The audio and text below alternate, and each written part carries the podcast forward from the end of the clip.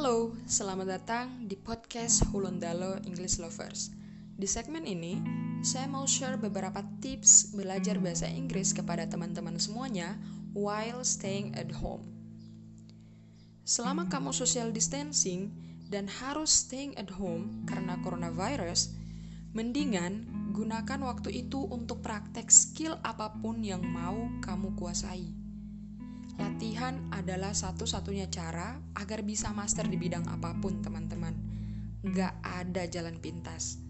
Misalnya, kamu bisa praktek public speaking dalam bahasa Inggris di depan cermin dan jadikan benda-benda di kamarmu adalah audiensmu. Itu skill yang penting ke semua orang dan akan sangat berharga di masa depanmu nanti, teman-teman. Sekali lagi, saya tekankan kepada teman-teman semuanya yang mau meningkatkan skill bahasa Inggrisnya, lakukan sekarang. Lakukan saja teman-teman.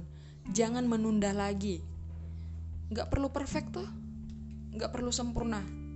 Namanya juga belajar kan.